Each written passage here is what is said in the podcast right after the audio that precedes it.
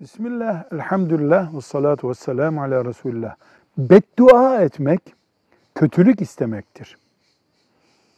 Allah'tan gelmesini istediğim bir kötülüktür beddua etmek. Mümin, anne ve babasına hiçbir şekilde kötülük isteyemez. Anasına beddua eden, babasına beddua eden, Allah sana taş yağdırsın diyen taş atmış gibidir.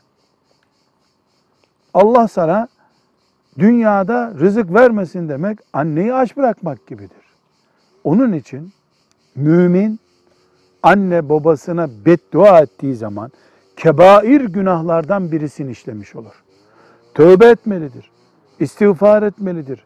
Anne ve babanın gönlünü alacak işler yapmalı, helallıklarını almalıdır. Velhamdülillahi Rabbil Alemin.